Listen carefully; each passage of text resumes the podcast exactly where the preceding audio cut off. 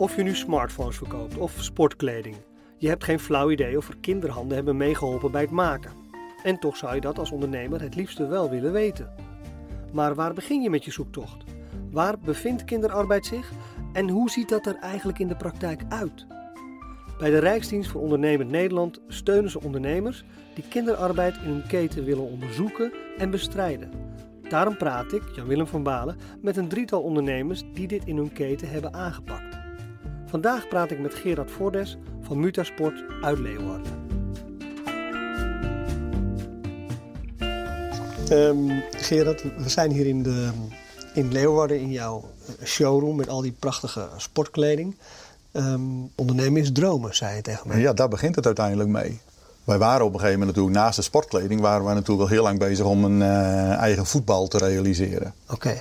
We wisten wel dat de ballen werden gemaakt in een bepaalde stad in Pakistan. Hè? Want daar, werden wel pak een beetje 30 miljoen ballen misschien gemaakt, misschien wel meer, ik heb geen idee. Uh, dus we wisten wel waar we naartoe moesten. Maar vind dan maar eens een keer een fatsoenlijke leverancier. Ja.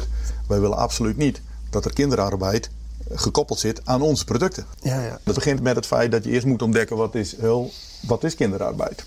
He, ga het maar eens definiëren. Ja. En je moet er eerst van uitgaan dat je zegt waar komen ze weg. He, wat het, de, de, uiteindelijk begint het met pure armoede. He, als je dan naar root causes gaat en noem maar op, is de basis nog gewoon pure armoede. En dan worden die kinderen gewoon naar die fabrieken gebracht. En dan kun je als fabriek zeggen van nou, uh, wegwezen met die kinderen, zoek maar een andere fabriek. Of je doet er iets mee en hoe dat fenomeen, dat laat ik even achterwege. Het valt natuurlijk ook nog wel een beetje onder de acceptatie. Want het is, het is in die cultuur min of meer geaccepteerd. Omdat nou die ja, iets, iets, tuurlijk, dat ligt iets anders dan, dan dat wij ernaar kijken. En uh, je hebt natuurlijk ook veel kinderarbeid wat je niet kunt detecteren om het dood eenvoudig reden. Het zit ergens in, uh, pak een beetje een thuiswerkencircuit. Heel, hoe ga je dat ontdekken? Wat wil je erachteraan rijden ja. of zo? Om uh, aan te bellen en uh, om te kijken wat daar, wat daar gebeurt? Ja. Dat is een zinloze missie. En um, dan kun je veel beter zorgen dat het systeem het niet meer toestaat. Dus er kwam een speciaal stitchingcenter waar alle thuiswerk naartoe moest worden gebracht. Dus thuiswerk was per definitie afgelopen. Okay. Wat je daarna moet doen, want dan heb je het nog niet opgelost, moet je ervoor zorgen dat die ouders worden gecompenseerd. Dus als die kinderen op een gegeven moment bij een fabriek worden, bij een voetbalfabriek dan in dit geval, op een stoep worden gezet. Moet je zorgen dat je die kinderen uit die, uh, de weg haalt. Maar dat je die kinderen dan eigenlijk met die ouders in gesprek gaat. En dat je ze een compensatie geeft. En dan gaan ze naar school. Waar die ouders eigenlijk voor gecompenseerd werden. Maar anders dan wil ze niet bij die fabriek komen. Dan gaan ze wel naar een andere fabriek. Ja, ja. Dat schiet ook niet op. Nee. Uiteindelijk, het heeft ook niet zoveel zin. Hè? Wat kan een kind op een gegeven moment ook bijdragen? Hè? Je ziet natuurlijk bij heel veel fabrieken. Die zijn natuurlijk goed gemechaniseerd. Uh, er zijn natuurlijk fabrieken die zijn geautomatiseerd. Dus je moet, je kunt kinderarbeid niet meer scharen onder het noemer. Wat we natuurlijk hier uh, in 1920 ook wel zagen. Dat ze gewoon achter grote weefgetouwen moeten zitten Ja, en noem maar op. Als je überhaupt nog een rendement wilt maken. Is het beter om te investeren in een machine. Met alle respect. Ja. Dan dat je denkt van. Oh weet je wat. Ik ga investeren in zodat ik, zo la- zodat ik heel laag betaald arbeid kan, eh, kan krijgen. Dat, dat, voegt meestal ook niks meer toe. Hè, dus, maar in het eenvoudige werk. Dus gewoon sorteren, inpakken, noem maar op. Ja, daar kun je nog kinderarbeid zien. Ja, ja. En jullie hebben dat opgelost nu dat er een soort stitchcenter is waar eh, volwassenen werken. Ja, Daar is- precies. daar is, dus het eh, thuiswerkcircuit. zicht op. Thuiswerkcircuit, hè, dan heb je er zicht op. En daar Ja. zit ook een controleur. Ja. Wel, en dan heb je het opgelost. En Ja. op het moment dat je dan überhaupt vanuit het collectief hoort dat er ergens kinderen worden aangeboden bij een ballenfabriek, ja, dan haal je ze daar weg. En eh, zorg je ervoor dat ze, een, dat ze worden gecompenseerd, die ouders. Zodat ze niet meer gaan, nou ja, pak een beetje met die kinderen ergens anders naartoe gaan. Ja. Want je bent nu al een hele tijd eh, zeg maar, in Pakistan eh, bezig. Een jaar of tien, denk ik, ondertussen. Ja. Een jaar of tien, ja. 10, 12, ja, zoiets. ja. Dus u bent wel heel erg gewend nu aan die cultuur en zo. Ja, in het moet begin toegeven, dat je... nee, in het begin kwam ik er relatief vaak. hè. Op dit moment moet ik toegeven dat dat, dat weer wat minder is. Maar goed, dat komt ook een beetje door eh, het feit dat de fabriek gewoon goed loopt. Alles goed georganiseerd is.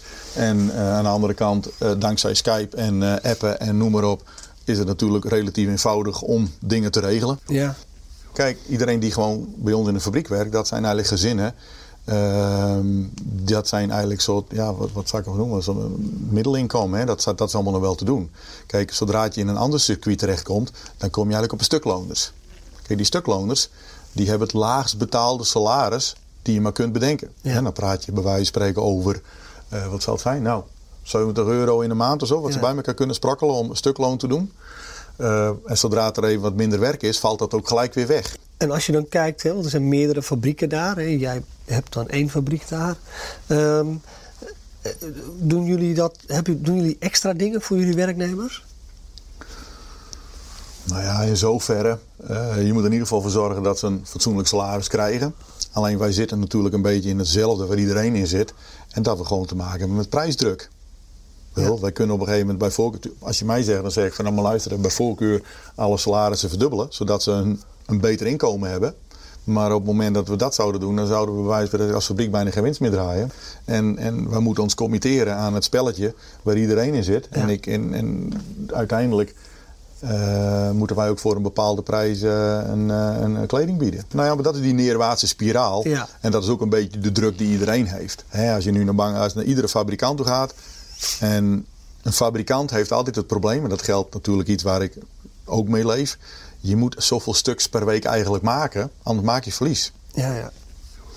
Als je dat überhaupt aan iemand zou vragen in, in een winkelcentrum en zeggen: hoe denk jij dat, dat, dat dat kinderarbeid uitgebannen moet worden, nou dan zou die ook zeggen van ja, ik koop zo duurzaam mogelijk, ik koop het bij gerenommeerde merken en dan zal dat wel Ja, ja want als, ik kijk, als ik bijvoorbeeld kijk naar de, de, supermarkt, dan zie ik daar allerlei eco-stickertjes. Ik kan daar heel makkelijk kiezen, maar ik kan als consument nee, niet zo makkelijk een onmogelijk. En dat, dat... kledingstuk uh, kiezen. Dat, is, dat zie ik niet zo snel. Nee, maar dat gaat ook niet uh, zo snel gebeuren, gezien het feit dat het niet... Ten eerste is het niet transparant. Ten tweede is het totaal niet te controleren. En ten derde is het ook niet te controleren door vaak een inkooporganisatie. Want je weet niet precies waar het terechtkomt. Ja. Dat platform wat je nu gaat opzetten, is dat. Um, wat houdt dat platform in? Wat heb jij in gedachten? Ja, wij hebben, als je überhaupt wel iets wil oplossen, moet je gaan werken aan de vraagkant. Kijk, elk bedrijf wil kunnen verkopen. En de verkoop betekent dat je je bedrijf kunt runnen. De verkoop betekent dat je je salaris kunt betalen. En verkoop betekent dat je in ieder geval in de gelegenheid bent om een beter leven en een beter bedrijf te bouwen. Dus die verkoop is in iedere geleding van die, van die keten natuurlijk bepalend. Ja. En op het moment dat ik namelijk tegen jou ga roepen van... luister, ik heb 2000 polo's nodig... en daar wil ik eigenlijk wel niet een keurenmerk... maar daar wil ik bijvoorbeeld een bepaalde rating aan hebben... dan ga jij wel luisteren en dan ga jij ook wel kijken van hoe kom ik aan die rating. Ja. Want en met anders, rating, krijg ik die, order- anders krijg ik die order niet. Met rating bedoel je uh, verschillende uh, hokjes die ik aan kan vinken... waardoor ik een soort hoger rapportcijfer krijg? Ja, en uiteindelijk is het natuurlijk... Uh, er zitten natuurlijk verschillende dingen in, in, in, in dat platform. Waarbij we hebben gezegd van zouden we er niet een tool van kunnen maken. Die eenvoudig is voor ondernemers. En die ook werkt voor ondernemers. En uiteindelijk ook dat iedereen die op dat platform zit. Dat je ook zeker weet dat dat een platform is. Waardoor het ook 100% gegarandeerd is. Ja, waardoor je het eigenlijk stimuleert ook. Ja, maar ook stimuleert. Hè, maar ook middels dat je zegt, het hoeft niet echt meer. Het is ook niet de bedoeling om te denken van ja, maar goed, eh, wie betaalt het dan? En moet dan die prijzen hè, eh, enorm omhoog? Nee, natuurlijk niet. Het is niet zo dat dan een shirtje in één keer van 10 euro naar 20 euro moet. Dat is helemaal niet belangrijk. Het gaat meer om het feit dat je dan allemaal gaat werken aan die vraagkant. En als je gaat werken aan die vraagkant, dan krijg je naar de fabrieken toe en, en eventueel ook naar uh, andere bedrijven toe, krijg je wel het voor elkaar dat die ook om moeten. Want ja, anders krijgen die het ook niet. Ja. En dat willen wij op een dusdanige manier doen dat het voor bedrijven en ondernemers heel leuk is om mee te werken, waardoor het ook een soort marketing tool wordt dat een product duurzaam is. Het heeft ook met de tijdsgeest te maken. Ja, zeker. He, want twintig jaar terug bijvoorbeeld, of tien jaar terug, hadden we hier echt niet eens over hoe we het hebben. Een zinloze missie. Ja. Maar hoe, gaan mensen, hoe belangrijk gaan mensen het nu vinden? dat consumenten dat die ook het gevoel hebben dat ze een verschil kunnen maken. Ja. Kijk, het probleem is vaak als je nu iemand, naar, uh, als je nu iemand vraagt en die, die, die schiet je aan in een winkel van uh, denk jij dat je verschil kunt maken? Dan Ja. zegt hij, joh, luister, wie, ik koop dit shirt, maar dacht je nou werkelijk dat het überhaupt iemand boeit dat ik dit shirt koop en, en dat ik dan enige impact zou kunnen hebben? Ja. Maar dat je het ook nog leuk maakt voor die consument Ja. om deel te nemen aan het Via platform. app wordt dat dan Ja, precies. Ja?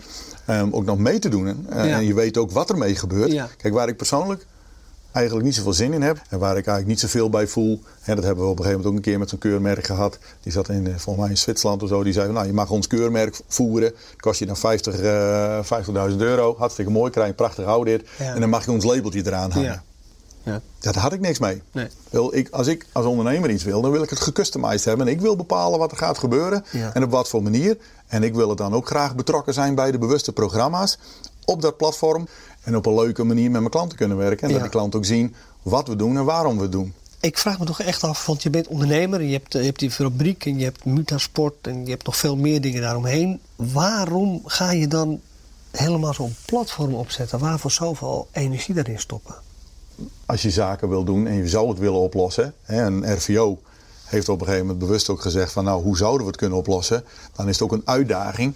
Klinkt wat raar, dat zou bijna zeggen, joh, hoe kan dat nou een uitdaging zijn? Maar het moet niet een platform worden wat je op een gegeven moment krijgt met allemaal kantoren en noem maar op, Nee. een overhead, kosten bouwen. Nee, dat is nou juist wat we niet willen. De bedoeling is dat al het geld wat er binnenkomt, dat de ondernemer daar zelf de grip op heeft. Ja, ja. De ondernemer bepaalt uiteindelijk wat hij wil, hoe hij het wil en waar het terecht komt. Dat is heel anders dan dat je zegt van, oh weet je wat, ik koop een eh, eh, product met een keurmerk en er zit een soort fairtrade achteraan en je hebt voor de rest geen flauw idee wat geld terecht komt. Dus eigenlijk zeg maar zo direct, als jij wel die, dat platform zou hebben, dan zouden ondernemers daar veel makkelijker. Ja, want je gaat op dat moment, ga je het, het artikel ga je taggen. Je Ja. zorgt ervoor dat hij in één keer, en transparant vind ik dat misschien niet het goed woord, maar je gaat op een gegeven moment het artikel gewoon herkenbaar maken. Ja, door middel van die, van die, van die, Van die QR-code, dat is Ja. technologisch en we hebben daar een heel leuk... en het rapportcijfer wat daar weer aan hangt. Ja, precies wel. En dan, dan heb je hem te pakken. Ja. En dan wil niet zeggen dat. Eh, ik zou er ook niet op zitten te wachten dat iemand de consument het scant of, of mijn, mijn, mijn klant het scant. en Dat hij precies weet van oh, dat komt bij die industries vandaan uit Bangladesh en daar weg. Dat hoeft allemaal niet. Nee, dat is maar net hoe we het allemaal inrichten. Ja. En je moet ervoor zorgen dat de ondernemer denkt: hé, hey, daar kan ik wel wat mee. Ja, dat vind ik ook een leuke manier om mee te werken. Ik ben heel benieuwd eh, waar je staat over een tijdje met deze platform. Ik ook. Wat dat gaat is welvaart eh, natuurlijk hier fantastisch. Want die welvaart zorgt nu ook voor dat we zoiets moois kunnen opzetten als het platform. Ja, precies. Ja. Ik wens je heel veel succes ermee. Dankjewel. Ben jij MKB-ondernemer en doe je internationaal zaken? En wil je onderzoeken of in jouw keten ook kinderarbeid voorkomt?